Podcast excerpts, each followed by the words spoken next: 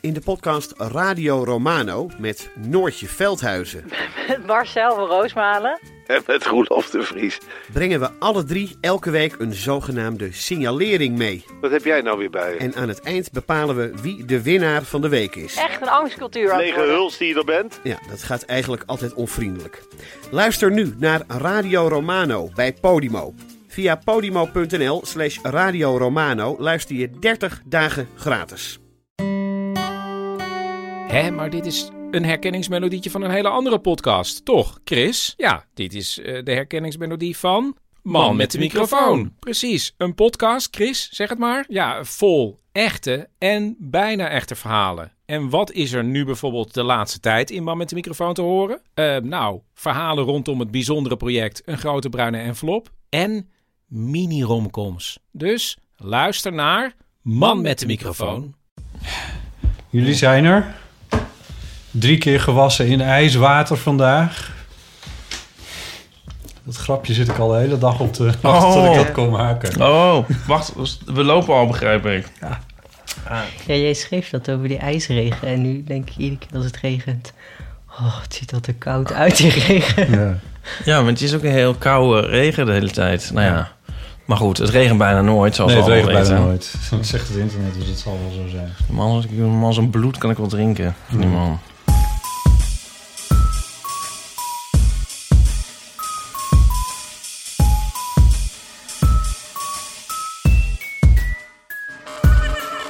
Welkom bij de Eeuw van de Amateur, aflevering 116. Met aan tafel natuurlijk Ipe Driessen. Hardo. En tekenaar Ludwig Volbeda. Ja, hoi. Hoi. Je bent eh, tekenaar en je hebt een expositie in, eh, in Museum Kranenburg in Bergen. Dus bij die opening zijn wij, eh Iep en ik, met nog een paar vrienden langs geweest. Eh, bovendien, geef me gewoon full disclosure, je bent ook studiogenoot onderhand. En jouw partner, jouw vriend, Vriendje. is ook een vriendje. Mijn vriendje. Je vriendje is ook een, eh, is ook een vriend van mij, eh Conrad. Ja, jij kent hem langer dan dat ik hem ken. Ja, vind ik een heel wel- gek dat idee. is- Wat een ongelooflijk incestueuze band is Ja. dit, zeg. Ja. Mijn Ja, hemel. nou, Ja. Het is eigenlijk vooral de vraag waarom je nu pas in de podcast zit. Dun, dun, dun, dun. Het is niet een antwoord, dit is om antwoord op te geven. Omdat ik, eh, omdat ik niet zo goed durfde. Ja. Dat is trouwens niet eens waar, want je hebt volgens mij wel een keer ingebeld voor het een of het ander. Nee, ik heb nooit ingebeld. Nee? Nee. Nee, nee, ik heb heel veel berichtjes op mijn telefoon staan die ik nooit heb opgestuurd. Echt? Ja, echt superveel. Tandartsverhalen. In een mapje. Echt, tandartsverhalen? Oh my god. Die wil ik. Ja, die durfde ik gewoon niet op te sturen. Wat dan? Wat is je tandartsverhaal? Gelijk los. Vertel gelijk even een tandartsverhaal Ja, om een beetje Om een beetje los los te komen. Nou, het was ook best wel eh, een beetje een, een opluchting dat ik wegging bij de tandarts en dacht... nou, dit is tenminste een goed tandartsverhaal. Want ik had een eh, kies die was afgebroken. Dus ik moest met spoed naar een andere tandarts dan gewoon. En dus, Want dat kon je normale tandarts niet nou aan. ja, omdat, eh, omdat ze dachten, nou, wacht maar niet tot de woensdag of zo. Kom maar gelijk langs. Want woensdag werkte die pas weer. Ja, Dus, eh, dus ik ging op maandagochtend. Ik had de nacht ervoor bijna niet geslapen omdat ik heel zenuwachtig was. Want wist dat ze moesten gaan vullen. Ik heb nog nooit een vulling gehad, zeg maar. Dus ik vond het heel spannend. ja, Hoe kun je nog nooit een vulling hebben gehad? Ja, maar... Dus, en ik had ook de nacht ervoor een beetje gedroomd dat mijn tandarts op Eddie Wally leek. Kennen jullie Eddie Ja. Dat is toch die Vlaamse Ja. ehm, opmerkelijke zanger? ja. En dus ik dacht, oh, straks lijkt hij echt op Eddie Wally. Wordt het heel ongemakkelijk. Omdat ik geen contact kan maken met die man of zo. Maar ik kwam aan en het eerste dat hij zei was... eh, Wie is Luwe? Dus ik zo, eh, ik. Toen zei hij, ja, eh, nou, je hebt tenminste nog zo'n oer-Hollandse naam. Want al mijn kleinkinderen heten Timothy en Stefan. En toen ging hij zijn kleinkinderen echt ongelooflijk afzeiken. dus toen dacht ik, oh, oh jee, wa- wa- wat is dit voor man? En toen ging ik zitten en... ehm, dus eh, ik moest zo... eh, maar hij vertelde ook niet wat hij deed. Dus ik lag met mijn mond zo open en er gebeurden allemaal dingen. En hij ging ook heel lang weg de hele tijd. En eh, op een gegeven moment kreeg hij dus ruzie met zijn tandartsassistent. en, want hij zei, jij komt morgen werken. En zij zo, nee, ik heb echt al heel veel overgewerkt vorige week. Ik heb morgen vrij. jij komt morgen werken. Dus dat was, was geen discussie mogelijk. Oeh. Dus ik lag daar met mijn mond open. Ja. En die vrouw zag ik echt zo een beetje van... Oh nee, hier gaan we. Dus toen zei hij... ehm, eh, ja, en eh, wanneer ga je weer eens een keer naar de sportschool? Want dat ziet er niet uit, die slappe armen van jou. Oh mijn god. Het was echt... En ik dacht echt, dit, ik dacht echt dat het een verborgen camera-programma was. Dus die vrouw zo... Nou, eh, ik heb helemaal geen tijd om naar de sportschool te gaan. Want nou ja, ze moest heel veel overwerken. Ja, en eh, toen zei ja, tijd heb je niet, tijd moet je maken. Ja.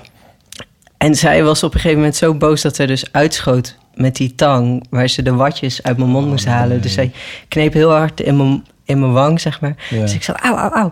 En toen zei hij, ja, en eh, doe je nou ook nog eh, de patiëntpijn? oh, het was echt zo ongemakkelijk. En ik raakte echt in een soort paniek, want ik, wil, ja, ik kon niet voor haar opkomen... omdat ik niet kon praten, zeg maar. Nee. Maar hij was zo onaardig tegen Zou je haar. anders wel doen? Zo Ja, assertief absoluut. ben je wel, ja. Nou, ehm, ik heb een keer in een verborgen camera-programma gezeten... waarbij zo'n situatie werd geïmiteerd, zeg maar. Dus ik wist wel dat ik, dat ik iets van zou kunnen zeggen. Maar ehm, Oké, dan gaan we hierna over Ja, wat dat dan ja, was. maar goed, ehm, oké. Niet mee hoor. eh, dus, dus het was echt super, eh, super ongemakkelijk. En toen was het voorbij. En eh, toen werd alles zo uit mijn mond gehaald. Dus ehm, toen heb ik haar een hand gegeven en hem eigenlijk niet. Toen ben ik weggegaan. En toen zei je, Eddie Wally is leuker. Nou, en toen dacht ik wel, oh, had ik maar Eddie Wally. Ja. ja, nee, het was echt nog veel erger dan mijn droom. Maar dit was dus eenmalig deze tandarts. Dit is niet Ja. jouw normale tandarts. Ja, en hij had ook nog een naam, achternaam die ik nu eigenlijk niet zo goed durf te zeggen, maar het was iets heel liefdevols. Oh, echt? achternaam. Wat is dat dacht- achternaam? zeg, zeg het. Nee, nee, ik wil het niet zeggen. En toen- in je vorige stad? Nee, nee. ik wil het niet zeggen, maar toen hebben ze, eh, toen hebben ze een keer, wilden ze weer een afspraak voor me maken. En toen zei ik, ja, ik wil niet bij die man. En toen stond er, eh, stond er, las ik later in het dossier dat ze op het beeldscherm open stond, stond er iets als, heeft een hekel aan meneer. en, en zijn achternaam, zeg maar.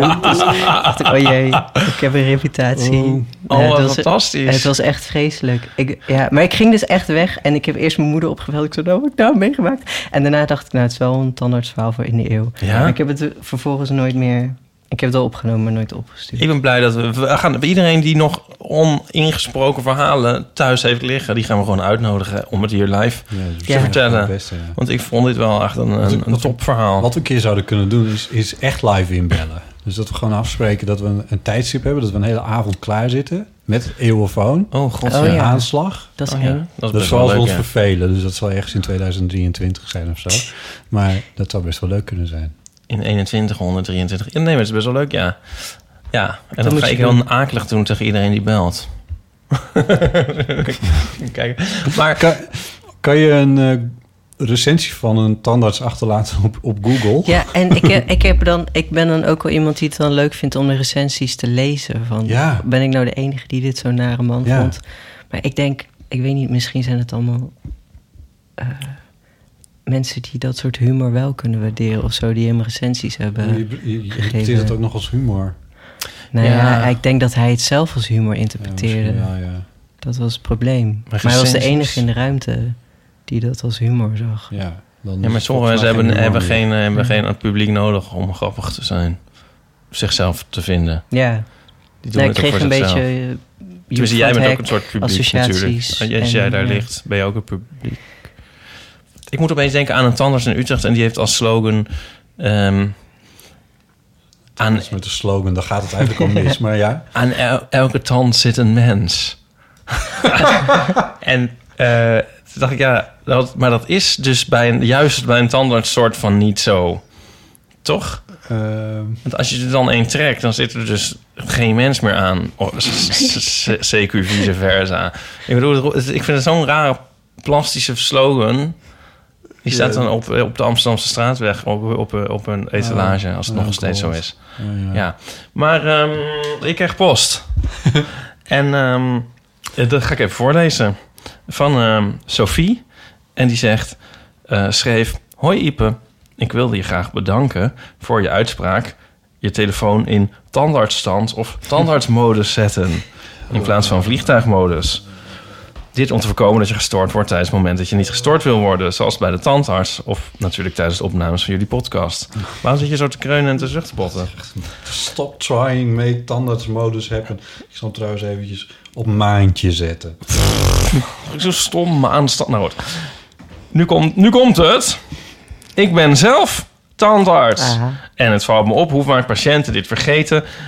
en hoe erg dit dan zowel de patiënt als mij kan afleiden... slash storen, slash ongemakkelijk kan maken. Al is het nog erger als mensen vrolijk doorbellen, appen, facetimen... terwijl ze binnenkomen. maar goed. Ehm, ik hoop dus dat jouw uitspraak meer aanhang zal vinden. Groetjes, Sophie. Oké. Ja, en dan schrijft ze ook nog... Botte, heel lieve, heel leuke, heel lieve vrouw. Er zit en volgens mij ook een heel kundige tandarts. En ze schrijft ook nog... Botte, vet goed dat je de stap hebt gemaakt met orthodontie. Oh, ja, bedankt. Zet hem op. Oh, ja. We houden vol. Ja, tandartsmodus dus. Nou, elke- die houden we erin, hè? Ja, aan- zo zie je maar weer. Aan elke tandarts zit een mens. Ehm, nee, die houden we er niet in. Ehm, ik wou nog iets zeggen over... eh of, en je ook nog wat vragen over, eh, over Kranenburg. Ja. Want daar eh, exposeer je nu. Eh, we waren bij die opening en dat hield je een prachtig verhaal. Je vertelde een paar leuke dingetjes over hoe het bij jou begon. Ehm, je herinneringen aan tekenles in het dorp Ja. vertelde je over. En ook over hoe je soms experimentjes deed. Door bijvoorbeeld een brief aan jezelf te posten. En dan op de postzegel, waar de koning dan in abstracte vorm staat afgebeeld... om daar een heel piepklein poppetje op te tekenen. ja, die is wel weer aangekomen. Ja, maar dat was een experiment. Ja, ik was benieuwd of, of de post ook je post bezorgt als je op de postzegels tekent, inderdaad. Omdat eh, er zit een soort eh, laagje overheen, zo, een soort veiligheidsdruk. Ook als je ze een beetje in licht houdt, dan zie je een soort kroontje en zo. En er zit volgens mij ook een laagje fosfor op. Om te checken of, eh, of ze wel of niet echt, Echt zijn. Ja. Dat er blijkbaar wel wat postzegelfraude wordt uitgevoerd. En ik dacht Ja, of dat de... wordt steeds lucratiever. steeds duurder worden, maar ja. En, ik- en ik was nieuwsgierig of, eh, of ze dan zouden inhouden als je erop tekent. ja. Hij is wel aangekomen, inderdaad. Ja. Dus, waarom doe je dat soort experimentjes? Ik was gewoon nieuwsgierig. Ja. Ik vind het met, met de post had ik gewoon heel sterk, omdat er raakt echt best wel veel post van mij kwijt. Dus ik, ik was ook nieuwsgierig. Ja, Ja, ja. echt, ik ben zoveel tekeningen al verloren in de post. je, ja. Hoe, kan, hoe kan dat nou? Ja, dat weet, ja, ik weet het niet. Ik ben geloof ik één keer in mijn leven iets kwijtgeraakt in de Eén post. keer maar?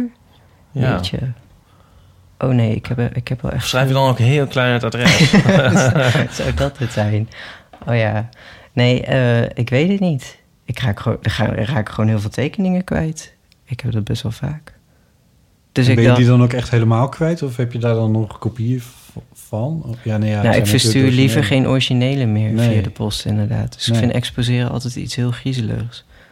Dus een schetsboek of zo zou ik nooit meer opsturen in de post. Nee. Maar ik heb bijvoorbeeld ook wel een keer een serie met bierveeltjes die ik had geïllustreerd. En die zijn ook, ja, die zijn gewoon kwijt. Ik weet niet waar die zijn. Ze zijn nooit aangekomen. Hm. Hebben er ook niet een soort magazijn met alle verloren post? Of is dat een droom? dat ze daar een afdeling van mijn werk hebben. afdeling, Ja, maar hier is dan toch iets anders. Als ze het niet kunnen bezorgen, dan zet je de toch, Ludwig Volberda-vleugel. je zet er dan Heel toch ook een, een retouradres op. Dus ik bedoel... Ja, maar het komt dus ook nooit retour. nee, dus er is iets anders ja. misgegaan. Ja, dat vond ik ook nog eng bij deze. Want ik dacht, zou dit nou echt frauderen zijn als je zo op zo'n postzegel illustreert? Dus ik wist niet welk retouradres ik moest opschrijven. Toen heb ik dat van mijn vriend gedaan. En toen dacht ik, straks pakken ze hem op. dacht, ik had het andersom moeten doen. Ik had gewoon mijn eigen adres moeten gebruiken en Ja. het naar hem moeten sturen. Nee. Ja. Nee. Je hebt eh, drie zalen daar. Hm. Op de studio zei een keer tegen mij van ja... Want heel grote zalen... Ja, bedoel, het zijn best grote zalen. Ja. Maar jij zei ja, ik maak zulke kleine dingen. Hoe ga ik, hoe ga ik dat vullen? Ja, ik vond het dat. eh, En ze kwamen ook het werk... Het Museum Kranenburg kwam het werk ophalen met een heel grote bus. dus ik overhandigde twee platte dozen met werken in. En die mannen riepen, is dat alles? Is, is dit alles? Oh, ja. Dat was inderdaad echt maar alles. Het is klein en eh, plat werk. Ik Maar weet niet alles is zo klein, toch? Het valt er ook wel mee. Ja, je hebt niet monumentale dingen, maar er zijn ook best wel een paar grotere. Gro- maar ook een grote tekening voelt voor mij als een soort verzameling van honderd kleine tekeningen. Het zijn een soort Hmm. in mijn hoofd honderd kleine oppervlakken die één groot beeld maken. Maar ook dat paste gewoon in die Ja, grote nee, ja, papieren dat, dat envelop. zal. Ja. Maar ehm, Het was, het was ook, ze hebben ook alles toen in die bus vastgezet, dat het niet zou gaan schuiven. Dus dan heb je zo'n gigantische bus met twee doosjes. en die moesten ze helemaal inbouwen met, met doeken en touw. Dat Oh. het niet alle kanten Ja, op ja, zou precies. vliegen. Ja. Dat had ook gewoon op de bijrijdersstoel gepast. ja, ja. en jij bent wel heel productief, toch? Of lijkt het maar zo? Ehm, eh, wanneer ben je productief? Nou, het is niet dat er eens per jaar een tekening uit je handen komt. Oh nee, nee, ik teken wel veel. Ja, Ja. dat het is dan zeg maar... Ik bedoel, dat is denk ik ook een soort... eh, Ja, want als je zegt heel klein is, dan lijkt het net alsof er ook niks te zien is. Oh, nee, het is, het, het is een veelvoud, zeg maar. Veelvoud Ja. klein. Ja, Ja, het is meer een soort zwerm. Of, maar ik vind ook een beetje wel... Wat, wat, wat, wat tof is aan de tentoonstelling... is dat het een soort gezamenlijk... het- ook een soort geheel is. Snap je? al, al het losse werk bij elkaar. Ja. Dus jij zegt van één tekening vorm, vorm is dan eigenlijk weer samengesteld uit heel veel kleine tekeningetjes. Maar zo Ja. voelt ook die hele expositie als een soort heel erg zo afkomstig. Echt overduidelijk van één geest en een soort... Ja, alsof... een soort, Ja. Fijn. een Luterwereld.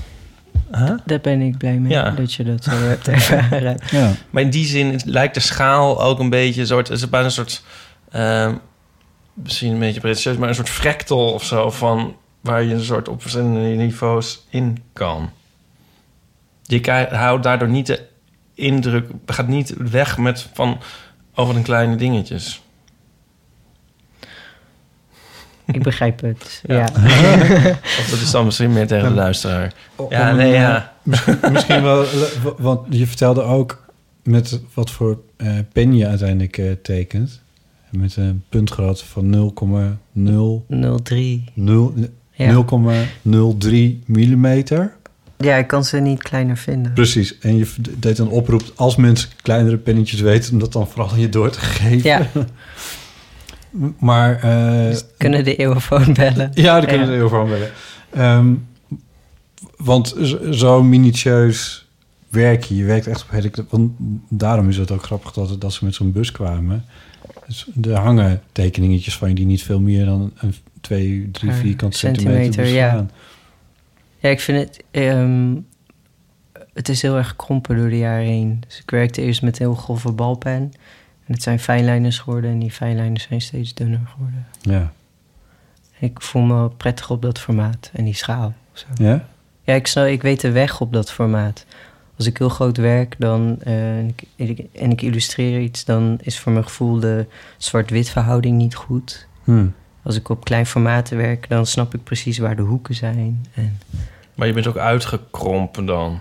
ja, Dus je hoeft niet nog kleiner. Tenminste, je wil een kleiner pennetje. Zou je willen een fijner pennetje? Maar je hoeft niet nog kleiner. nou niet qua... Nee, eh, ik denk dat het dan... Dit is, het, de zo, zo, mm, dit is op de schaal waar ik me nu prettig op voel. Ik denk als ik dat tot iets kleiner forceer, dat het een gimmick wordt. Net als dat je dan van die, eh, die standbeeldjes hebt... die uit potloodpunten worden uitgeslepen en zo Oh, ja. met mesjes. En nee, Ja.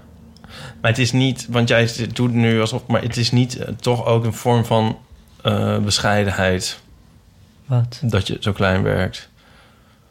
Je je geeft nu een soort een technische. Oh, eh, een vorm van bescheidenheid om klein te werken? ja. Niet als je vervolgens 300 tekeningen ophangt, toch? Dat vind ik dan weer niet erg bescheiden. Nee, maar goed, dat is nu je gevaar. Maar als je dus, ik bedoel, dat, zo begon het natuurlijk niet. Maar je bent, ik bedoel, dan wist je ook niet dat je in dat museum zou komen. Ik bedoel, het lijkt op de een of andere manier ook wel een soort, ehm, of karakterologisch ook wel te passen bij je. Dat snap ik. waarom je dat zegt. Als maar jij dat dan eens even zou kunnen bespreken. eh, eigenlijk is de vraag dan of het uit mijn karakter voortkomt dat ik zo klein werk. Ja. Nou ja, of dat een soort gêne is of zo misschien ergens. Mm. Nee, Nou, bescheidenheid was mijn eerste woord. Maar het hoeft niet hoor, maar ja, maar gêne associeer ik dan weer met schaamte. Dat ja. ik niet groter durf te werken. Niet, dat het niet toonbaarder Ja, of Mag ruimte zijn. niet in durven nemen of eh, dat soort dingen. Nou, ik denk dat het toch technischer is dan dat. Hm. En dan laat ik het aan de ander over of die het bij me vindt passen. Ja, nou, je- ik bedoel het dus niet negatief. Ja, ik snap. Ja, nou ja. Nou, het is, het is moeilijk iets om over te praten, omdat bijvoorbeeld iedereen gebruikt pen en papier om notities te maken. En je krijgt toch nooit dat soort vragen over je eigen handschrift. Nou, dus er zijn heel veel studies over naar handschriften. Maar als jij een briefje inlevert bij de, weet ik niet, waar je een briefje zou moeten inleveren. Dan... Nou, wij krijgen wel bijvoorbeeld, nou, wij zeg ik nu. maar ik bekijk altijd de, mijn, bij mijn ouders bekijk ik altijd de post van de nog, eh, nog levende familie en vrienden. En dan kunnen we gaan zitten, bekijken wij aan de hand van de handschriften of het, eh, of het goed met ze gaat. Ja? Tussen de boodschap door, zeg maar. Oh, wat Ik- geweldig. Niet altijd, ja. Maar ik bedoel, soms valt het gewoon heel erg op dat dan denk je van, nou, die is een beetje achteruit gegaan. Door de bibber. Of, Ja, of, of gewoon door de, on- ja, of gewoon door een soort onleesbaarheid die een blijk geeft van een soort, soort psychische aftakeling eigenlijk. ik heb er Mensen nog... die gewoon er ook een soort ja, een slag naar slaan of zo. Het hoeft niet een soort Parkinson te zijn. Ik heb er over een heel gek verhaal nog over, over, over dat. Ja, Eh, ik was een... Het is weer een anekdote, een losse anekdote. Maar ik was... eh, ja, het is wel heel belangrijk dat dit één grote samenhang. Dit- Eh, ik was bij mijn ouders weer een keertje thuis en die hebben BN Stem. En toen sloeg ik BN Stem open en toen zag ik daar mijn eigen handschrift in de krant. En dat was bij een artikel over handschriftverraad Parkinson op jonge leeftijd. Nou ja, en dus, dus ik zei, nou, dit is mijn eigen hand. dus, hoe kwamen ze dan aan jouw handschrift? ja, ze hadden gegoogeld op handschrift. Eh, en, de- en zo'n JPEG van Google Images gepakt. Oh, En dan hadden ze die- dat plaatje bij gebruikt. Was Ineens heel- werd je Parkinson aangewreven. Ja, handschrift vergaat. Parkinson op jonge leeftijd. Vond ik echt een heel bizar toeval. Ook omdat ik niet zo vaak eh ja, Ben je aan de stem lees? ben je een stem lees. Nee. hmm. Ja. Ik heb dus een hekel aan mijn eigen handschrift. ik weet niet wat er daar een psycholoog daar wel zou zeggen. Maar ehm, tot mijn spijt. Jouw soms- handschrift ziet er hoe uit? Ik kan me er iets bij voorstellen. Doe maar, best doe maar groot, een stukje. toch? Ja, zie je, maar dat klinkt gelijk als jij dat zegt ook als een verwijt de andere kant op. Zo van, jij bent, jij de loudmouth, jij... Je hebt, je hebt Oh, ruimte, ruimte innemend. Nee, psychologisch. eh nou, zo groot is het ook weer niet. Maar, nou ja, ja ik vind het toch... Nou, goed. Eh, Midden tot groot. nee, maar het is... Nee, maar ik kan het gewoon niet aanzien. Maar Hier. daar gaat het verder niet om. Wat moet. Ja, de Ja, maar ga jij het zeggen, wel. nee, het valt wel mee. Maar ik, ik heb het wel eens in strips dat ik iets moet laten... Dan heb ik een briefje door mezelf geschreven of zo in een stripje. Mm. En dan vind ik dat stripje min of meer verpest. Omdat ik dan zit te kijken naar dat handschrift. Ja, laat maar zien. Ja, nou, ik weet niet wat ik moet doen. Schrijf zal, maar, Zal ik jou een eh, tekening laten maken? nee, maar eh, nou ja, er zit Anyway, misschien dat ik daarom... Nou ja, er iets in lees. Maar ik vind het wel een heel mooi idee dat jullie bij je ouders dan die kaarten bekijken. En een soort geestelijke gesteldheid van de, van de vrienden en kennissen en familie afleiden. Uit ja, het nou ja, het is dus niet zo dat we elk, elk briefje op die manier analyseren. Maar soms springt het er echt uit. Ja. En zo, ja. En ik bedoel, je kan natuurlijk ook heel goed iemands... Je kan zoveel zien aan de. Ja, nu word ik een soort... Alsof ik er iets van weet. Maar je, ik, je kan redelijk goed ook iemands leeftijd raden... aan de hand van een handschrift. Gewoon omdat die heel erg evolueren. ja. Dus laatst had er weer iemand... eh dan schrijft daar een van de 90-jarige... Dat, dat zou nooit... Dat doet niemand meer op die manier, zeg maar. Dus dat vind ik best wel interessant. Maar Ja, handschrift zijn heel mooi. er belanden ook steeds meer handschriften en manuscripten in kunstcollecties. En zo. Ja. Maar het is, ik heb er ook vaak niet echt geduld voor. Want eh, er zijn natuurlijk heel veel best wel lastig leesbaar. En zo. Ja, Dit is niet mijn lust in mijn leven om dat dan te gaan uitpluizen. Wou ik er nog maar even bij zeggen. ja, ik heb wel een paar penvrienden bij wie eh, sommige het handschrift inderdaad problematisch is. Dat ik een brief ontvang en tegelijkertijd, tegelijkertijd me verheug op de brief en tegenop zie tegen de worsteling van het ontcijferen. Ja, Ja.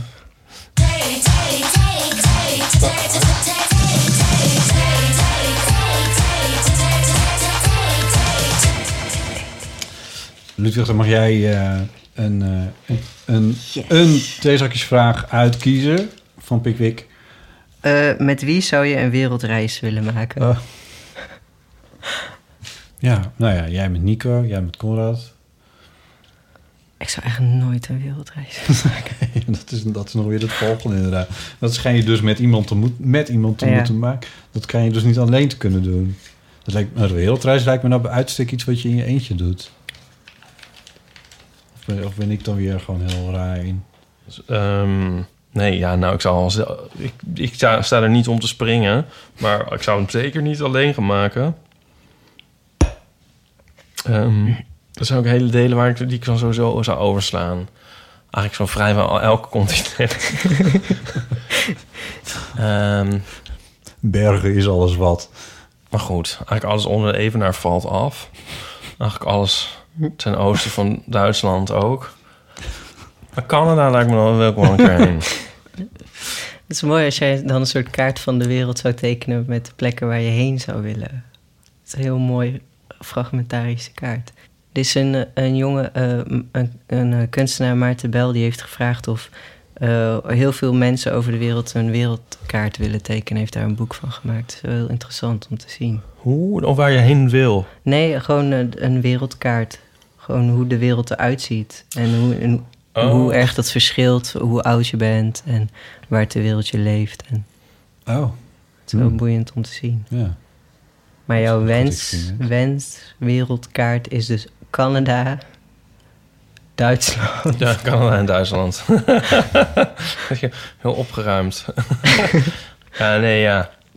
Eh, Nee, maar waar zou jij heen willen? Ehm, ik ben niet zo goed in reizen. Eh, dat is wel een understatement. Ehm, Wat heb- bedoel je daar precies mee? Ja, nou, ik, ik had het in die lezing had ik het ook kort over die eh, serie tekeningen die ik over Heimwee heb gemaakt. Dat is wel eh, nog steeds wel relevant, zeg maar. Ik ben gewoon niet zo goed in reizen. Ik vind echt reizen zo'n uitdaging. Het is, het is, sterker nog, het is voor het eerst in mijn leven dat me dat een beetje lukt met Conrad erbij, zeg maar. Ja. Die zo'n route in Duitsland heeft, dus die ne- daar neemt hij nog wel eens mee naartoe. Ja, we gaan wel eens inderdaad naar familie in Duitsland. Ja, Maar het zit er bij mij ook niet echt in. Maar Van jongs af aan ook niet trouwens. We gingen, wij reizen ook nooit. nee, Nee. Nou ja, dat is dan een luxe probleem dat wij dus vaak op vakantie gingen met gezin. Maar ik had vroeger zoveel heimwee. Oh, echt? Oh, en het was. Oh, Waar gingen jullie naartoe dan? Nou, gewoon naar Spanje of De vakantielanden. de vakantielanden. En dan dat ik dan echt in de auto, echt al heel de autoreis dacht: Oh, ik hoop dat de auto kapot gaat. oh, en dan. eh, en dan, ik moest dan ook, omdat ik zo zenuwachtig was, moest ik echt om het uur plassen. Dus dan duurt zo'n autorit zo lang. En mijn zus die had dan een soort ijzeren blaas, dus die hoefde dan ook nooit uit te stappen. Dat is een soort- altijd jouw schuld. Ja, Ja. oh, en dan, ik heb ook echt, dat ik, dat we dan in Spanje zaten en dat ik dacht, oh, misschien als ik heel veel zeewater drink, dat ik dan ziek word en dat we naar huis kunnen gaan. Echt allemaal dat soort dingen. Ik had echt heel erg veel heimwee. Deed je dat dan ook? Ja, dat, ja. Super smerig. Ja, dat Nee. is gehoor, ja. Ja, nee, dat kun je is wel heel echt, ziek eh, van worden. Ja, nee, ik heb het is Beter zo dan stom. het kraanwater in de... oh, nee. Ja, dat, dat, is, dat, komt dan, dat is dan een soort geschenk dat bij het verkeerde kind terechtkomt. of Zo. Want je hebt natuurlijk heel veel gezinnen met kinderen die dan eh, niet kunnen reizen of zo. Gewoon financieel niet. Mhm. En wij gingen dan best wel vaak weg. En dan had je zo'n kind dat echt dacht van, wat doe ik hier? Oh, ja, ja. En super fijn mee. Ja, Het is wel een leuke serie tekeningen ja geworden. precies, ja. ja. Ja. Maar die heimwee heb je niet meer zo? Ja, het, is, het is meer een soort onrust. Dat ik denk, Ja. ja. ik ben hier, maar wat doe ik hier? Want ben je dan niet geïnspireerd door wat je ziet? Eh, op de ontspannen momenten wel. Maar die zijn few and far between. Nee, ja, ik, nee ik, ik weet het niet. Ik ben gewoon niet zo reislustig. Nog steeds niet. ik, ik dus ook niet zo, maar bij mij is het meer... Niet dat ik het hier nou zo geweldig vind, maar het is meer een soort dat, dat ik routine, meer van routine hou en zo. Ja. En van dezelfde dingen, denk ik. En dan niet weet hoe het moet en zo. En dat al, gewoon eigenlijk allemaal eng vind. Dat is bij mij meer. Maar ik heb er wel iets minder last van nu. Ja, Maar daarom zou ik dus ook alleen vind ik het dan nog weer veel enger. Want dan heb ik niemand op me soort achter te verschuilen. ja het, is, En het zo. scheelt als je met iemand reist die daar heel anders in staat. Zeg Ja. maar. Als Nico eh, zegt, nou, we gaan vandaag naar deze bakker. Ja, We bestellen een croissant. precies.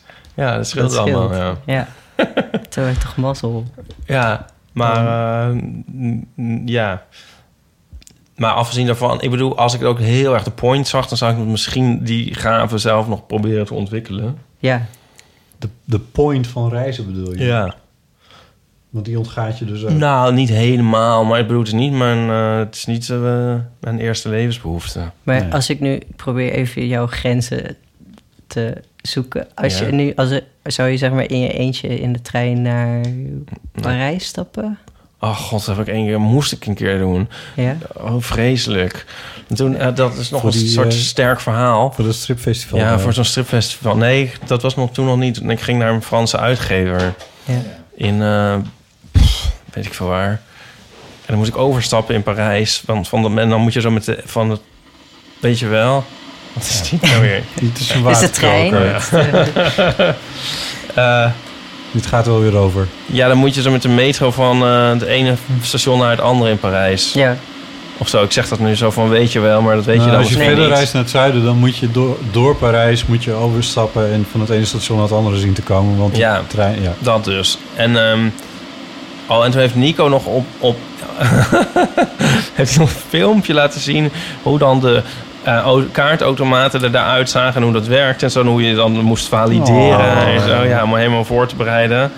Nee, toen was ik... ehm, toen, toen ging ik in de metro en toen had ik mijn kaartje zo... en ik had zo'n rolkoffertje wat ik ook niet gewend ben. Het sleepte achter me aan en toen gingen Ja. de deurtjes alweer dicht. En toen stond ik aan de ene kant, een rolkoffertje aan de andere kant.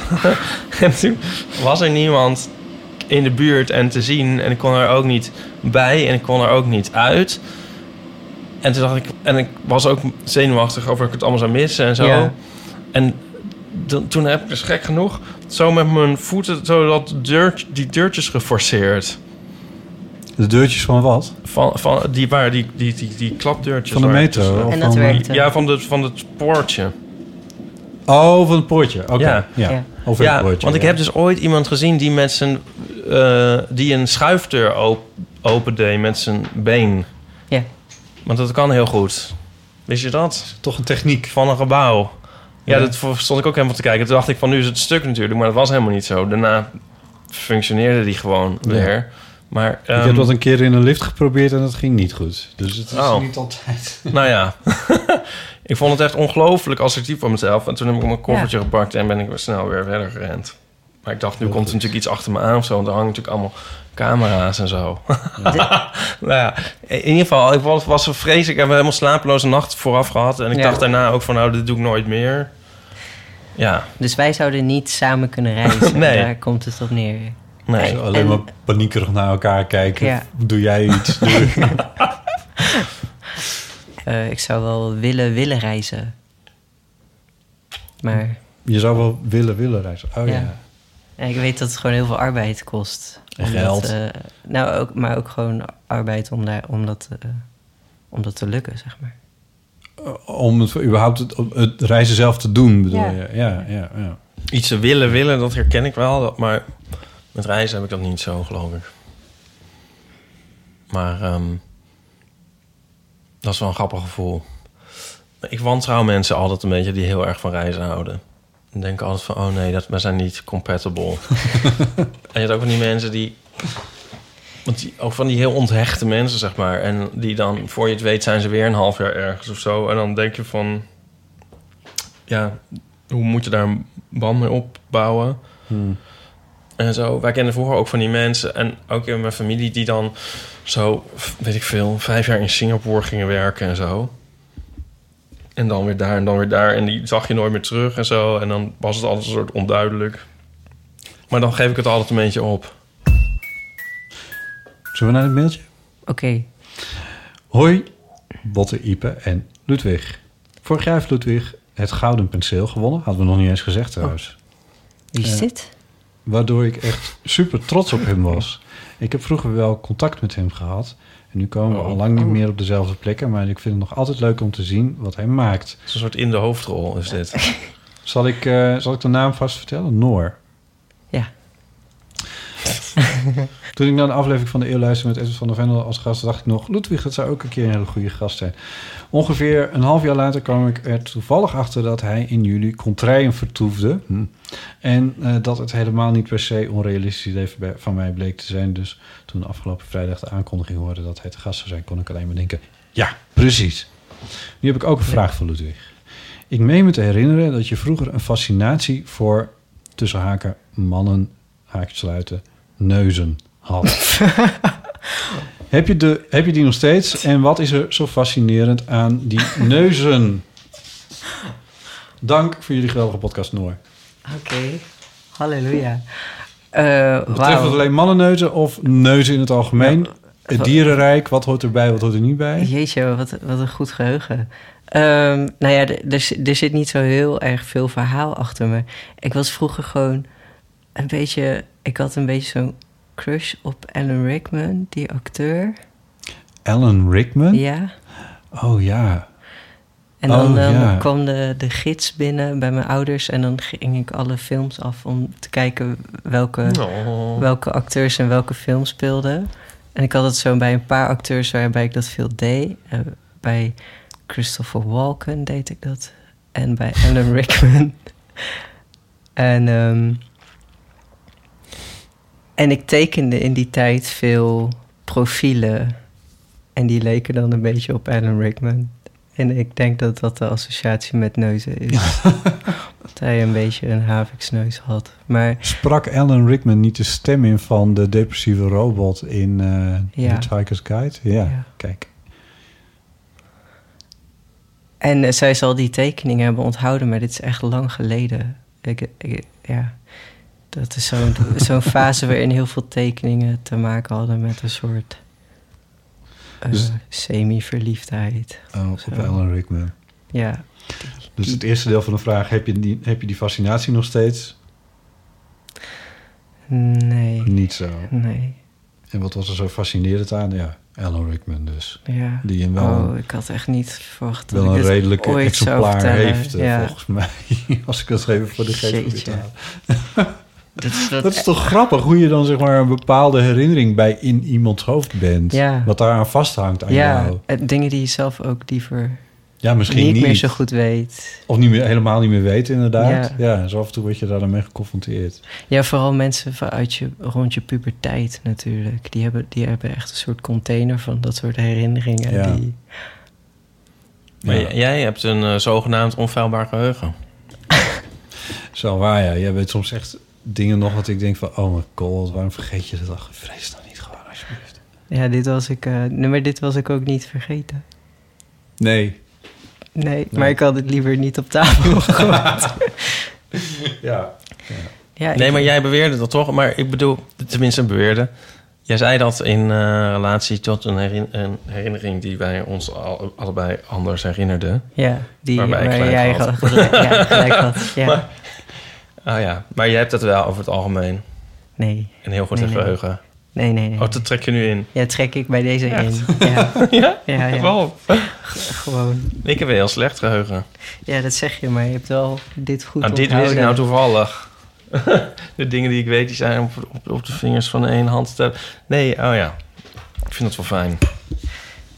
Ehm, Maar ik, wacht, ehm, ik denk dat, ik weet niet of voor jullie dat herkenbaar is, dat heel veel van de, je eerste fase van creativiteit met verliefdheid te maken had. Of zo. Ja. ik, heb, eh, ik herken het wel, geloof ik. Ik ging altijd tekeningen maken van eh, jongens die ik leuk vond. Maar dat was ik ook nog wel zo eh, brutaal om die ze dan te overhandigen. dit, is, dit was, Wat was niet zes hoor, maar dat was al veel later. En ehm, nee, en voor muziek geldt dat sowieso natuurlijk.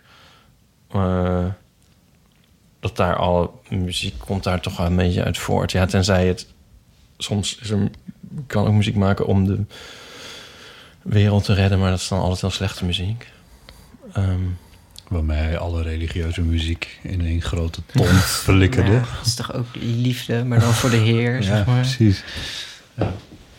Bach. Ga verder.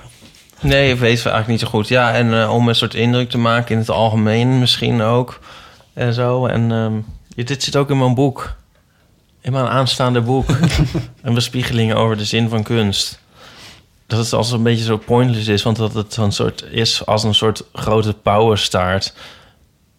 Maar, Pauwenstaart. Ja, een pauwenstaart. Pauwenstaart. Ja. Oh, Oké, ja. Maar dat er helemaal geen, in mijn geval, nageslacht van komt. Het is gewoon een soort evolutionaire functie. ja. Snap je? Een soort doodlopende evolutionaire functie. Nou ja, lees dat maar in een boek, dan leg ik het beter uit. Maar dat je, dat je werk jou overleeft? Of hoe moet ik dit? Nee, Nee. pronken. Ja, een soort pronken. Pronk, Dat je meer oh. denkt, oh, ik kan nu mensen aantrekken. Met al mijn, de leuke dingen die ik maak. Ja. Ah, De grap is misschien ook wel, tenminste geloof ik, dat Conrad jou heeft gevonden, of hoe zeg je dat? Maar in ieder geval, dat, dat je op zijn radar bent terecht oh bent ja, gekomen het werkt wel. door jouw tekeningen. Ja, dat is waar. Hij had een recensie in het NRC gelezen over een kinderboek dat ik had geïllustreerd. Ja, en toen heeft hij dat gekocht. Ja, En toen vond hij het heel tof. ja. En toen heeft hij een berichtje gestuurd. Ja, min of meer is het zo gegaan. Min of meer. Ja, ik heb hem eerst een berichtje gestuurd. Hoe kwam dat nou weer? Omdat, omdat ik hem had gezien. En, Omdat, omdat we de uitgever zeiden, er is één boek verkocht. Ga het zelf maar brengen. Hier heb je een busje. Oh, ik zit er. Oh, dat is ook een mooi beeld. Ja, die één persoon.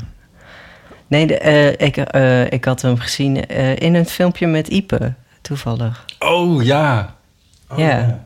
Toen dacht ik, Zo incestueus is ja, ook. dit, Ja. ja, moeten we hier echt... nou ja, ja, is zo ons kent ons. Nou, in het Bimhuis heeft Conrad een, eh, een serie concerten. En eh, ik help hem wel Ja. eens met wat creatieve ideetjes. En op een gegeven moment had ik geloof ik gezegd van... zou het niet leuk kunnen zijn om eh, iets met Ipe en fotostrips en dat soort dingen te doen in het Bimhuis. Ipe maakt zelf ook muziek, dus dat is misschien ook nog weer extra leuk. Eh, en zo geschieden. Oh, oh, oh, En toen, eh, ik kan nog zingen ook. Da, da. En ehm, dat is geschieden, zo geschieden dat. En toen hebben we als een soort research van tevoren zijn we dan geloof ik naar de improvisatieavond gegaan of zo. Ik, ik weet het niet eens meer. Dat was Ja, bijna ik, we- ik heb het filmpje zo vaak gezien. ja. Oh. En toen hebben we een filmpje opgenomen in het café. Ik ga niks zeggen. Van jou, Ipe en, eh, en Conrad samen, interview. Ik zat achter de camera en hield de microfoon vast en stelde af en toe wat vragen. Dat filmpje staat volgens mij nog steeds op, eh, op, Op de- YouTube. Op YouTube ja. ja. ik ben ongeveer een derde van al die views die het heeft waarschijnlijk. Was jij dat? Oh ja. Eh, ja, oh, oké. Maar hoe was dat op jouw radar terechtgekomen? Ja, dan dat, dat kwam voorbij. Omdat, omdat het concert zou plaatsvinden. Ja. Zoiets was het. Toen heb ik dat filmpje gekeken. dacht ik, zit, zit een heel leuke man naast Ipe.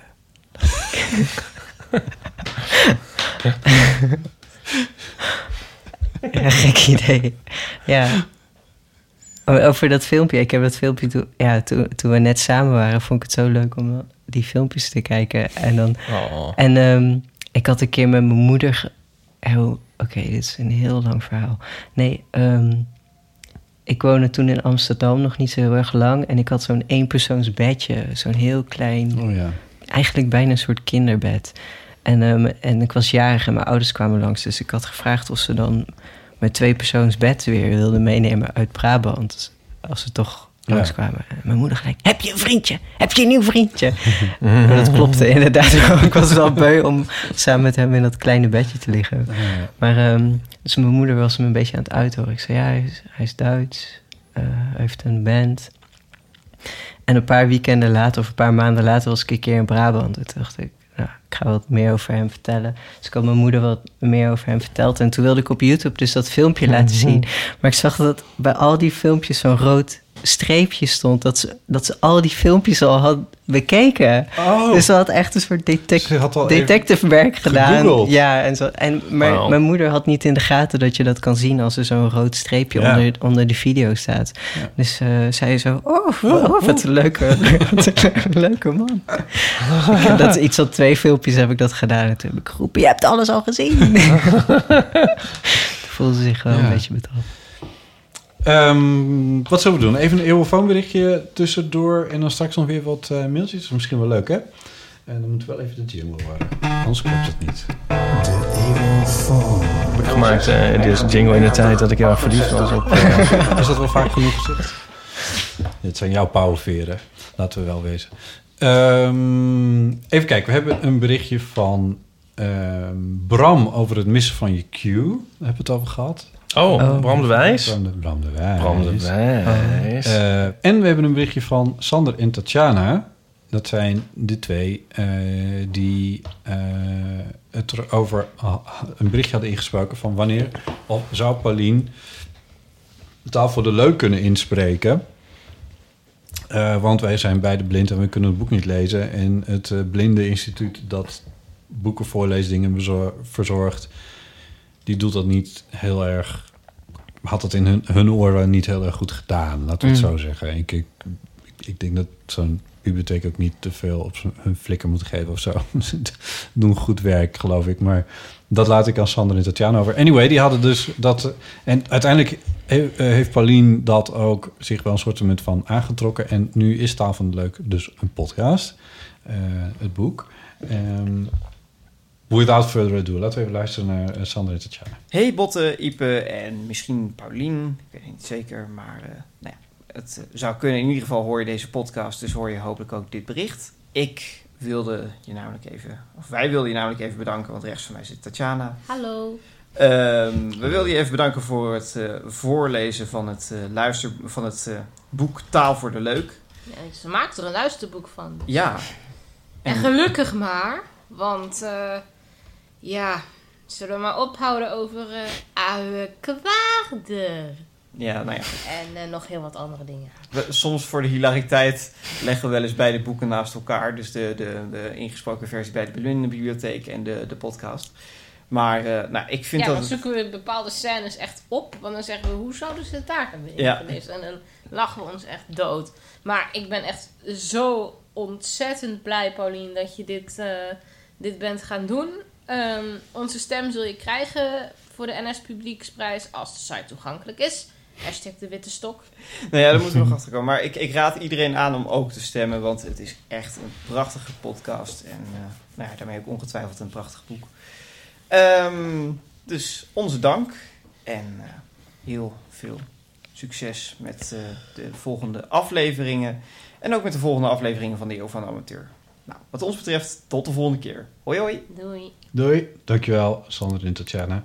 Eh, dat is natuurlijk heel erg leuk. Eh, nogmaals, eh, beluister die podcast, het is heel erg leuk. Pauline leest het boek niet alleen voor, maar ze vertelt er ook nog wat dingen omheen van aanvullingen en dergelijke die ze sindsdien nog weer heeft meegemaakt. Sinds ze die eh, stukjes heeft geschreven. Bijvoorbeeld als een, een ding in eh, NRC schreef, dan kreeg ze daar weer reacties op en zo. Dus, eh, sinds het boek is verschenen, heeft ze ook weer reacties gekregen. En dan vertelt ze dan ook over wat er allemaal is gebeurd. Ehm, laten we luisteren naar Bram. Hey Botte en Ipe, Bram hier. Eh naar aanleiding van het verhaal over het missen van je cue, vooral in muzikale context. En dan het vreselijke verhaal van Ipe over het de verkeerde geluid uit je keyboard.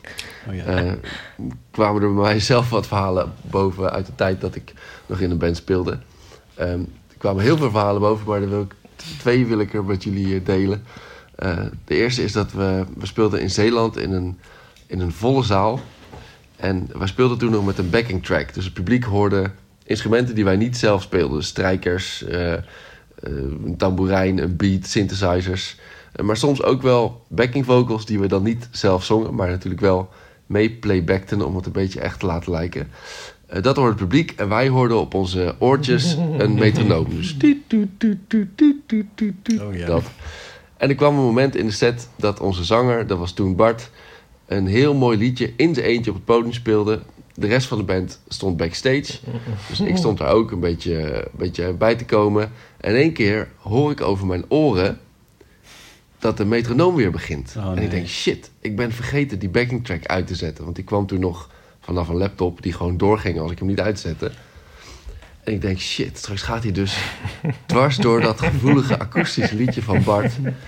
beginnen er straks samples te spelen, strijkers of synthesizers... of in het ergste geval backing vocals die helemaal niet in dat nummer thuis horen. Dus ik, ik zie mezelf zo in slow motion terugrennen naar het podium... half struikelend over het drumpodium, over het drumstel... tik ik net op tijd die laptop uit... En ik kijk zo een beetje omhoog, zo van, nou, ik heb de boel wel gered. Maar ja, voor het publiek was dit natuurlijk een heel raar gezicht. Want die hoort nog helemaal niks. Die zagen alleen nog maar de drummer in één keer vanuit de backstage... soort over het drumstel rollend ergens op klikken. Eh, dus ik had eigenlijk alsnog het nummer verschrikkelijk verstoord. verschrikkelijk was dat. En het tweede verhaal is eigenlijk nog veel erger. Toen eh, hadden we een nieuwe zanger. En ons eerste optreden met die nieuwe zanger Björge... was bij De Wereld Draait Door, live op televisie. Dat was natuurlijk doodeng. Ehm, daar hing heel erg veel vanaf. En we hadden volgens mij één ochtend om te repeteren. Nou, dat hebben we heel hard gedaan. We hadden zelfs een speciale, nummer ge- een speciale versie gemaakt van het nummer wat we wilden spelen. eh, Wat precies in één minuut paste, maar waardoor we toch twee keer het refrein konden spelen. Want dat leek ons dan heel slim, dat je twee keer het refrein hoort, dan blijft het misschien in je hoofd zitten of zo. Ehm, en eh, nou, bij de wereld door aangekomen, super nerveus natuurlijk. Dan moet je dus, de hele uitzending moet je er al zitten. Niks van gezien van die uitzending, alleen maar zitten denken, shit, straks moeten we, shit, straks moeten we. En Matthijs van Nieuwkerk kondigt ons aan. Ik druk de metronoom aan. Oh no. Eh, en ik hoor aftellen op mijn oren. En tijdens die vier tellen denk ik... ik heb geen idee hoe ik nu ga inzetten. Want we begonnen dus met het refrein in plaats van het couplet. Ja. Maar dat was ik volkomen vergeten. Ik had een complete blackout voor vier tellen lang. Of vijf eigenlijk, want op de eerste tel hoorde ik de bassist inzetten. En ik dacht, oh ja, refrein. En ik, en ik zet alsnog eh één tel later dan de rest van de band zet ik in. Je kan hem nog terugluisteren op YouTube. Als je zoekt op Only Seven Left, Stay With Me, De Wereld Draait Door.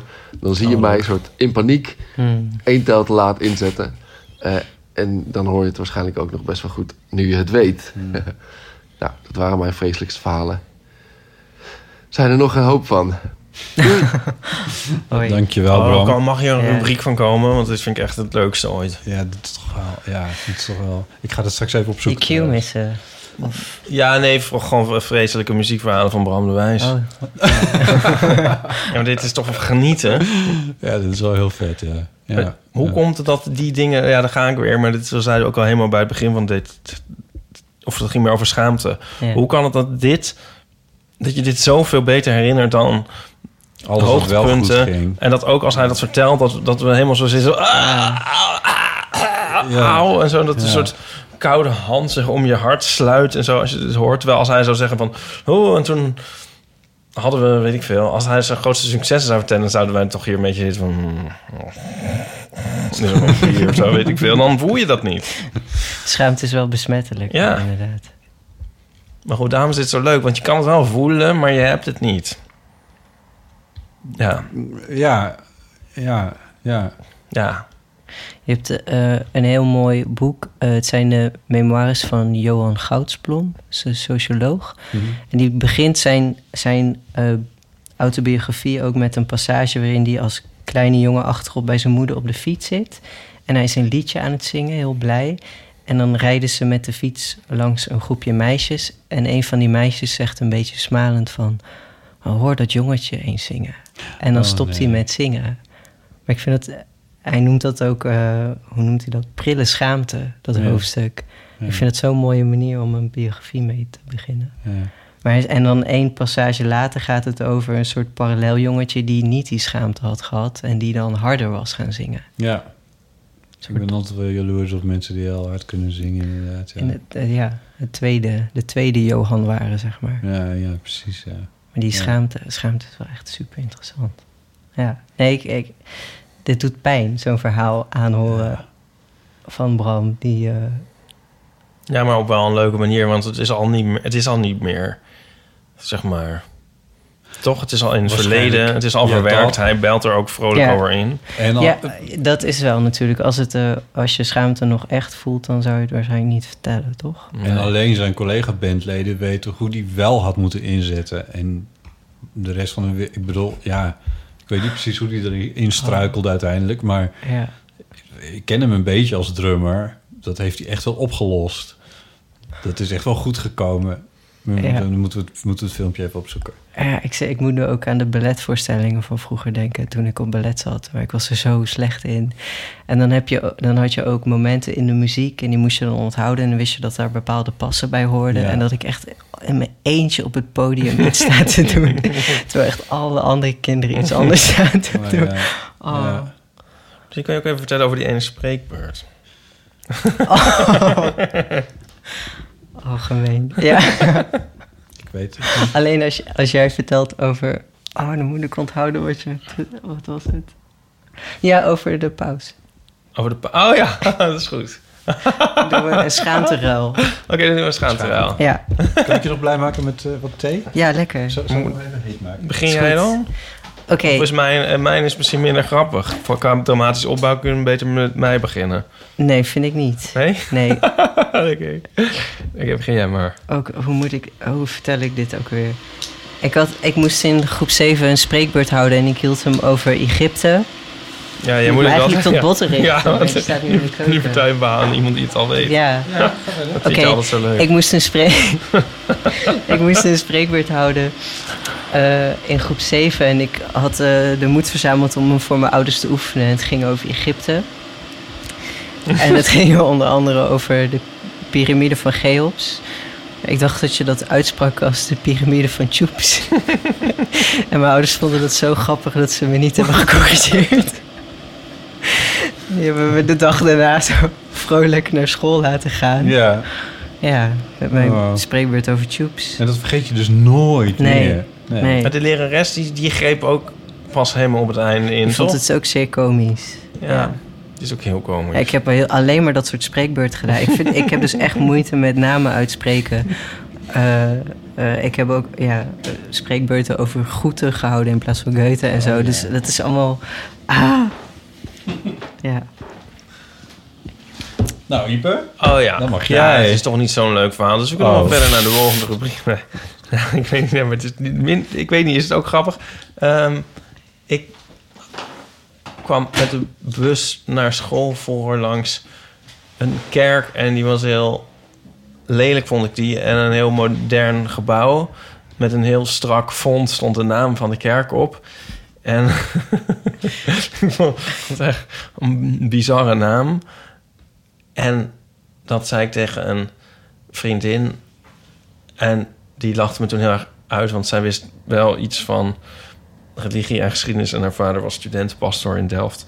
En ik zei namelijk tegen Els... Ja, dan kom ik altijd langs die lelijke, gekke, moderne kerk... met die belachelijke naam, de Plus X-kerk. nou, dat was het. En het is nu ook... Ja, hoe lang is dit geleden? 30 jaar of zo? Nee. Wat? Hoe oud ben ik ook weer? Nou ja, zo, ja zoiets. Eh, en hij herinnert ze mij nog steeds altijd aan.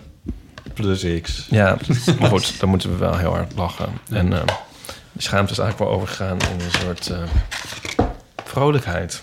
Gelukkig maar.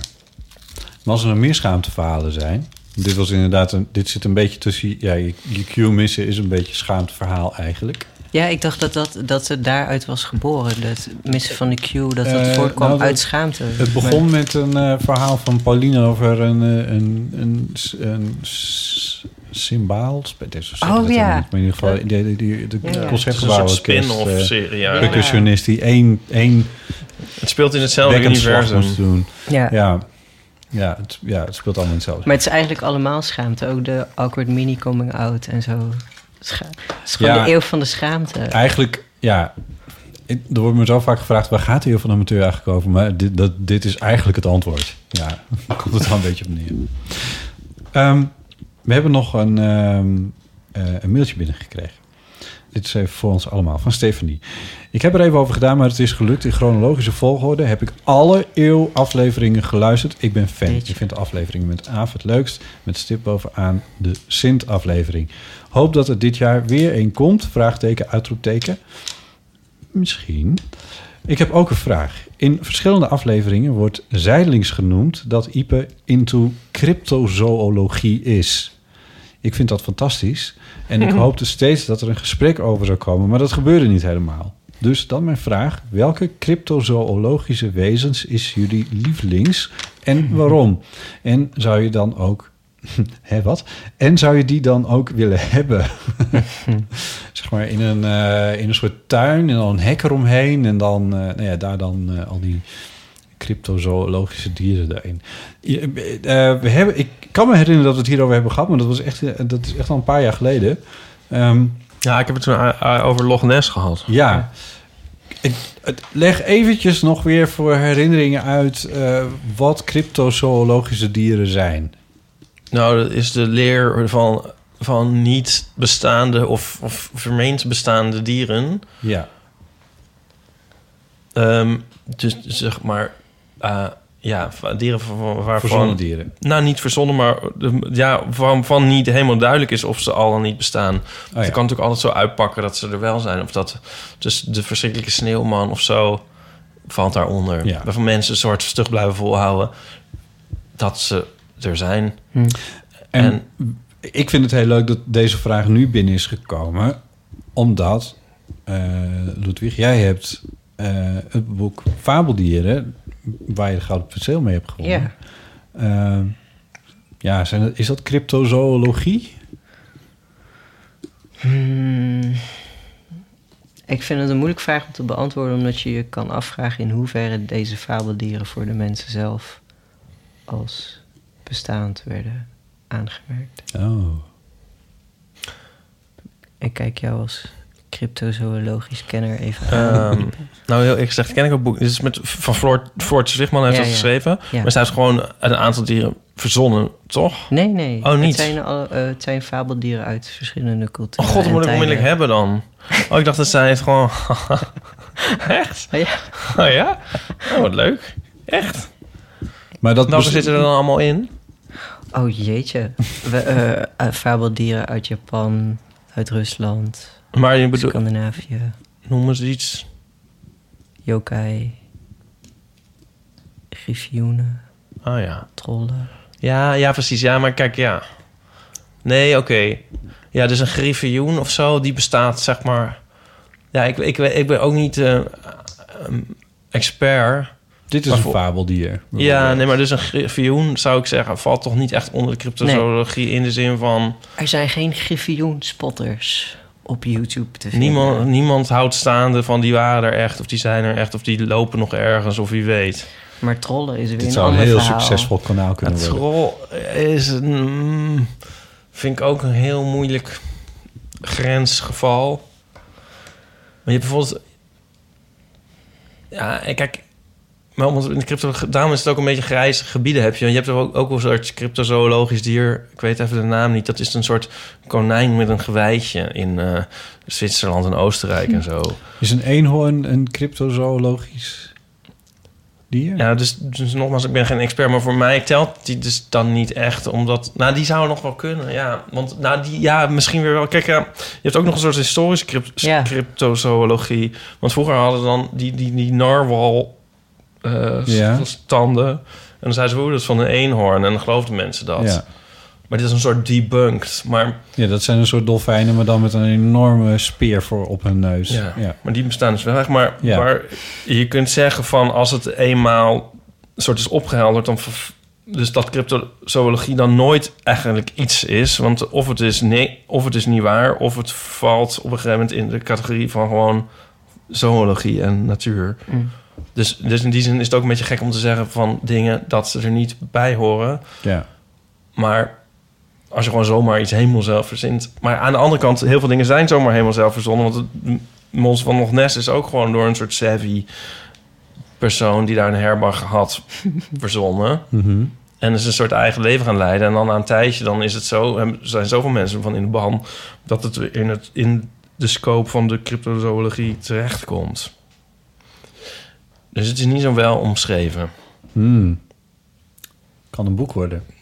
Is dit een ehm, antwoord? Weet ik niet. Ja, ik weet ook eigenlijk niet meer wat de vraag was. Nou ja, vraag. Eh, waar waren we? Eh, Welke cryptozoologisch, welke cryptozoologisch wezen is jullie lievelings en waarom? Oh ja, nee, maar het ging dus over het boek van van Floortje. Want eh, jij hebt eh, dat ook, dan zitten researchen. Ja, dat was heel leuk om te doen. Want ik ken, ik ken natuurlijk wel jouw... Je zei eh, door musea en beeldarchieven kunnen struinen zonder dat het als spijbelen gaat voelen. Ja, dat is heel fijn als een opdrachtje die in die situatie brengt. Dat Ja. je iets kan doen wat je leuk vindt. Ja. Namelijk door beeldbanken struinen Ja. en musea. Ja, dat is geweldig. want welke, wat is dit dan? Die heb ik zelf verzonnen. Oh. Op, het, op het omslag staat gewoon een mix van verschillende fabeldieren. Ah. Zat je al, Ja, dat je heeft al mij een beetje... afvragen? Nou, dat heeft, dat heeft me denk ik in verwarring gebracht Ah. dan. Nou, er zitten wel een paar bestaande in. Je ziet een, zo'n Garuda, zo- een, een soort Indonesische phoenix, om maar even heel kort te beschrijven, of plat of krom. En, eh, en dit is een, eh, ik wijs nu iets aan, een keukengen. Dat is een Japans fabeldier dat, eh, dat in je huis komt als je te weinig opruimt. Oh ja. Het bestaat uit een soort stof haarbal, zeg maar. Oh wauw. Zit erin verstopt. Die zit ook nog in het boek dan weer los. Ja. Oh, ik moet wel onmiddellijk dat boek gaan halen. Eh. ja, dus eh, nou, wat is onze favoriet? Ja. Ik vind het dus leuk hoe echt, hoe meer, hoe, hoe echter het zou kunnen zijn, hoe leuker. Dat vind ik leuk. Ik nu weer, dus los van de tekening, maar als Ja. het zo van, hoe misschien. Ehm, ja, en ik vind ook hoaxes ook heel goed. Ik kan me dus nog heel levendig herinneren dat er een keer op het 8 uur journaal, maar goed, de NOS, je kan ze wel foppen, was dat ehm, de, de Chupacabra was gevonden. En dat hij dan toch after all echt bestond. En dat de halve wereld dat geloofde. Wat geweldig. Ja. En dat was dan op 1 april? Nee, Dat was dus echt. er waren gewoon heel veel nieuwsdiensten gewoon helemaal, die vielen gewoon helemaal voor Oh, die hoax. Ja, Oh, dat, eh, dat, Dat- dat, is geweldig als zoiets een keer echt zo gebeurt. ja. Was ja, het dat, ja, dat, dat, dat is het precies. Je hoopt zo erg dat het een keer zou gebeuren. Zo heerlijk. Alleen op, het, op een gegeven moment, ja, alleen als het dan gebeurt na een tijd, ja, nee, volgens mij blijft dat wel leuk, maar nee, ik weet niet. Ik bedoel, in feite heb je dan gewoon, nou ja. het mooiste is eigenlijk als het dus net niet gebeurt. Waarom is dat het Dan blijft het cryptisch. Ja, dan blijft het een soort mysterie. Het gewoon mysterie is het mooie. keertje, Ja, één één keertje niet keer, ja. een Nee. nieuwe keversoort of, Nee, ja. of een mierenonderklasse, maar gewoon één keer zoiets groots. Ja, nee, dat zou wel helemaal fantastisch zijn. Oké. Daar ben, ik- ben ik wel helemaal met je eens. Dat zou helemaal het We einde hebben zijn. toch nog een hoekje van de aarde gevonden Ja. waar we niet hebben gezocht. Ja. Ja. Ik vind dat nummer zo gaaf van Kate Bush, Wildman. Kennen jullie dat? Als jij het zingt, ken ik het, denk ik wel. Het gaat dus over de Yeti. Of de Yeti, over zo'n soort on, ontdekte, mysterieuze aap in Tibet. En het is echt zo'n vet nummer. Wildman, moet je maar een keer luisteren. En dan proberen ze zijn voetsporen uit te wissen... zodat de jagers hem niet vinden en zo. Maar het hoeft natuurlijk niet een, een dierachtig iets te zijn. Ik bedoel, een yeti is dan een soort ja, mens, eh, koud wezen. Of in Mhm. koude gebieden. Maar dat er gewoon een heel rijk wordt ontdekt. Nog naast de schimmels en de planten en de... Dan wordt het bijna buitenaards. Ja. Mooi. Dat- Ik, moet, ik moet bij jullie beschrijving ook steeds een beetje denken aan die nat- natuurseries zoals eh, de BBC die zo mooi maakt. Die zich wel heel erg inspannen om dieren die nog nooit op film zijn vastgelegd, om die dan een keer wel in beeld te brengen. Zoals bijvoorbeeld het sneeuwluipaard wat in Rusland eh, rond schijnt te lopen. Ik hoop dat ik het goed zeg.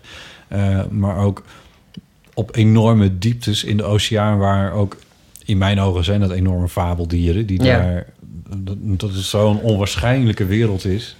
eh, die hele diepzee. Eh, met, met diertjes die ineens kunnen oplichten en, en dat soort eh, gekkigheid. Of waar ik me echt geen enkele voorstelling bij kan maken. Daar moet ik ook de hele tijd aan denken. Ja, dat is ook iets geweldigs. Ik had dit gisteren. Nou, ik, eh, dit, dat, hier werd ik vanochtend mee wakker. Ehm, kijk, de mausdier in Vietnam. En dat is een soort mini-muizenhert. Ja. En die, maar dat is ook een soort van... Die werd dus, dus verondersteld uitgestorven te zijn. En die is dan voor het eerst Ja. in 30 jaar vastgelegd op camera. Oh, bestaan nog gewo- gewoon. Ja. En In, in Artis... Ja, sorry. Maar Jij is ook een soort beetje een diertje dat ja, hoe- Maar god, hoe heet het nou ook weer? Kapi of zo, zoiets? Kan dat? Ik weet niet hoe dat Ta- dier is. ta- Tapier? Nee, dat is iets Nee. anders. Nou ja, ik weet het niet meer. Maar inderdaad, het- ja, hier omschrijft het eigenlijk wel Ja, heel Het treffend. is een soort heel klein uitgevallen gazelle eigenlijk. Fabelachtig Ja, maar toch wel met echt een heel andere... Zo, echt een muizenkop, zie je? Ja. Wat voor Google Alert heb je om eh, dit soort berichten binnen te krijgen, Ipe? Nou, ik zie, op Facebook volg ik de Cryptid Factor. Is dat een, eh, een aanrader als je van cryptozoologie houdt? Ehm, ja, even kijken. hoor. ja, ik, ik zou... Kan ik dat nou zo helemaal zeggen? Ja, nee, ze doen ook dingen... Ja, het is wat breder. Hier bijvoorbeeld een, dat er in een Frans stadje een zwarte panter rondliep. Dus dier in het nieuws is het Nou, eigenlijk. de- ja, nou, maar goed, dieren uit... Ik bedoel, dat is natuurlijk wel helemaal... Dat is natuurlijk wel mysterieus. Een zwarte panter in een Frans een- dorpje, ja. Ja. Een En dit jaar-. Reuzen en octopussen dat vind ik ook heel, heel erg boeiend. Een giant... Weet je wel, van die... eh, je hebt van die... Nou ja. Dat zijn eigenlijk wel de aliens op aarde, zo'n beetje. Ja. Octopussen. Ja, die Cryptus Ja, Factor is toch wel een aanrader. Dus er zitten wel een beetje... Soms is het een beetje far out misschien. Maar dat is, wel, dat is ook met die fabeldieren. Ik vind de fabeldieren die bestaan uit soort samenraapsel, hybride van bestaande dieren niet de meest interessante. Nee. Dus misschien zo'n muishertje. Ja. Het is wel leuk, maar het zou ook wel gaaf zijn als er iets wordt ontdekt dat echt nog op niks lijkt. Zeg maar. of, een- of een hybride, dat er echt een keer een soort mens-dier-hybride wordt gevonden. Oh, een ja. hond met een mensenhoofd of zo. Maar eh, Ipe, weet jij wat zo'n globster is? Ken je dat? Als cryptozoologisch geïnteresseerde? Eh, nee, een wat? Oh ja dat, is, ja, dat is super onhandig, maar ik weet ook niet wat het is. maar ik hoop dat jij me kon bijpraten. Ik heb daar een keer foto's van gezien en toen heb ik het opgeschreven en op een briefje op mijn muur gehangen. Maar ik heb nog niet goed uitgezocht wat het nou precies is. Maar dat zijn een soort dingen die aanspoelen. En in mijn geheugen zijn het een soort eh, verzamelingen van haren en allemaal resten. Dat je denkt, wat, wat is dit? Oh. Dat klinkt heel leuk. Ja, het klinkt heel spannend. Oh, Ik vond ook in de, de X-Files ging waar mijn lievelingsafleveringen ook altijd over zulke dingen. Hoe krijg ik je weer uit je telefoon, eh, Elise? Eh, Zoek nog eens klopt op. het is niet zo erg duidelijk. Wat is dat nu?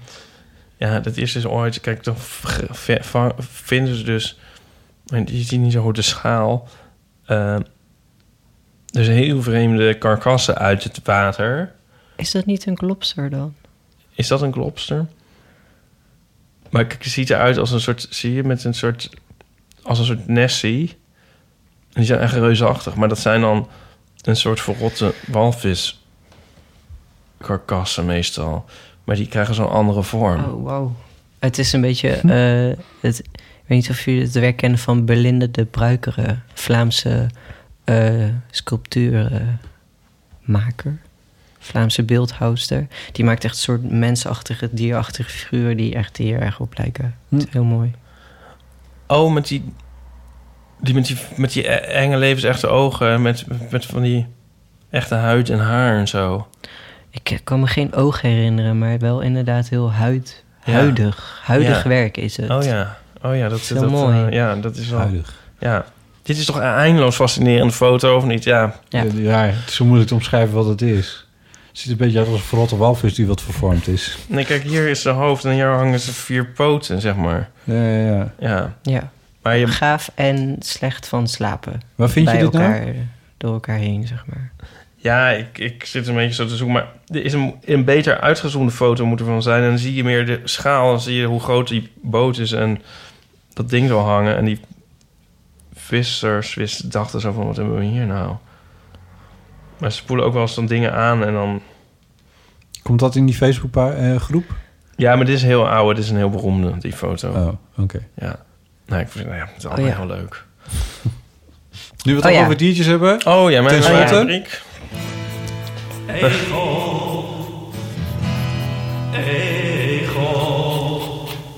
natuurlijk eh, het woord aan eh Egel-ambassadeur Ipe Driessen van Egelwerkgroep Nederland. Ik heb een mail. Hey Ipe en Botte. Met veel plezier luister ik al een tijdje naar de Eeuw van de Amateur. Ook vond ik het heel erg leuk om op Noorderzon bij jullie bij de opname aanwezig te zijn. Elke keer als ik de Egel-rubriek hoor, denk ik... ik moet dat verhaal van mijn moeder eens naar jullie mailen.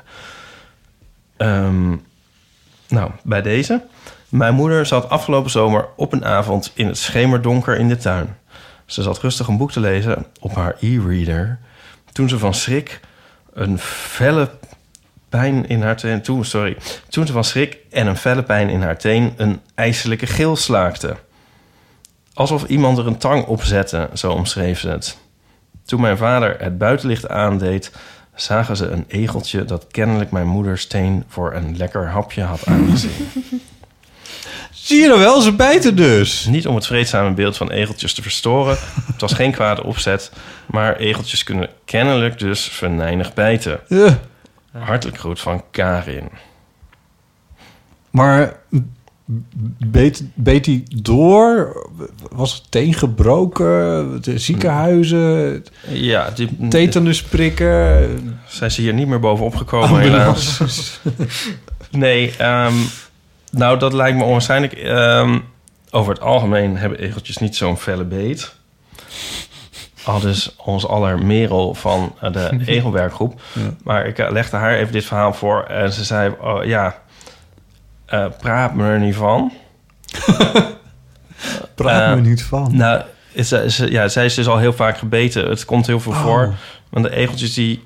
Maar het zijn, het zijn geen carnivoren. Ze hebben op zich niet zulke heel scherpe tandjes. Ze eten toch slakken? Ja, ze eten Ja, oh ja, nou goed, het zijn geen roofdieren, zeg maar. Nee, oké. Hoektanden zijn heel erg klein. En de grote snijtanden, die eh, passen niet goed op elkaar, zegt ze. Oh. Dus de beet is een beetje flauw. Maar kan wel pijn doen. Oh. Ehm, ja, en als je niet bloedt, is er geen reden voor paniek. Volgens mij kunnen ze je niet zo snel echt tot bloedens toe bijten. Maar het is nog een, een soort extra reden om ze Niet op te pakken. niet op te pakken. Nee. nee. Als dat, het niet hoeft. dat is sowieso gewoon een schoteltje met melk.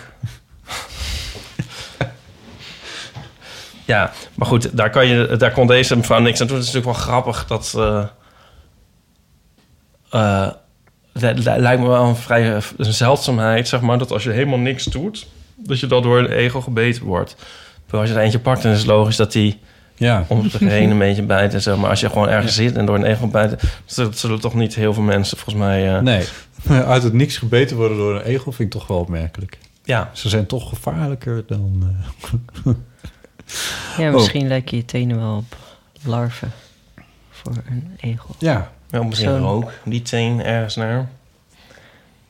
Nou, nou oké, zo kan hij wel weer. Ehm, er zijn natuurlijk weer egelverhalen welkom. Kan gemaild worden naar eh ipe.eeuwvanamateur.nl. Eh, maar inspreken vinden we natuurlijk eigenlijk het allerleukst. Eh, bel dan naar de Eeuwofoon. Telefoonnummer daarvan is 06 1990. 06 1990 68 71. 71, heel goed. Eh, die verhalen zijn welkom op de, op de Eeuwfoon.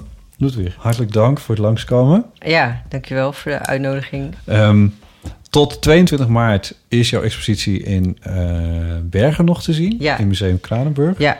Eh, ondertussen weet ik stiekem dat je ook nog weer in Amsterdam een expositie aan het inrichten bent. Ja. Kan, kun je daar iets over vertellen? Eh, we hebben een, een striptijdschrift gemaakt met een groep tekenaars. Aline heet het. En deze vrijdag is de lancering, inderdaad. En daar hoort een expositietje bij. Ja, in WG Kunst. Ja. Dus op het WG-terrein. Ja, oh, mooi. Eh, maar dat is één keer. Het hangt er een week. Oh, een week. Oké. Dat is ook niet lang. Nee, dat is heel Nee. kort. Nee, is niet lang. Nee, maar je kan tijdschrift kopen. Ja. Doe dat. Ik heb- Eline. Ja, Nee? Aline. Aline. Het eh, thema is Doom, dus ik heb eh 99 voortekens van het einde geïllustreerd. En het is vrolijker dan dat het klinkt. Doom. Ja. Dus een het is niks verboden. 99? Oh Ja. my god, ook weer veel werk. En een paar gedichtjes geschreven. Oh. Nou, dat maakt me heel nieuwsgierig. Nou, ik, eh, ik, kom een keertje kijken. Is in, goed. in je tijdschrift. Ja. Oké. Ehm, stem op taal voor de leuk. Kan nog steeds. Tot en met eh, volgende week, volgens mij de 20ste of zo. eh slaat het ergens op? Ja, 20ste is volgens mij de, de sluitdatum. nspublieksprijs.nl. Stem op taal voor de leuk. Ehm, ook andere dilemma's en levenskwesties en verhalen zijn welkom op de Eeuwenfoon. Eh ben je bijvoorbeeld eh, getriggerd door wat Bram vertelde... of als Bram zelf nog een mooi verhaal heeft over hoe er iets in zijn cues misging... is dat natuurlijk ook allemaal van harte welkom. Mailen kan op, eh, nou zeker egelverhalen naar ipe.eeuwvanamateur.nl... en andere verhalen ook naar botten.eeuwvanamateur.nl. iTunes vinden we leuk als je daar een recensie achterlaat. Eh, we zijn op Instagram, heten we Eeuw van de Amateur. En eh, we hebben ook een website, eeuwvandeamateur.nl. En daar staan ook show notes op. En daar kun je ook... Had je, je had kunnen meeschrijven met deze aflevering... met dingen die genoemd werden eh, voor de show notes wiki. Want daar kun je als luisteraar een bijdrage leveren aan het archief van de Eeuw van de Amateur. Dat was hem voor deze keer. Ehm Ipe, had ik jou al bedankt? Vast niet. Bedankt, Ipe. Bedankt. En eh, tot de volgende keer. Dag. Doei. Doei.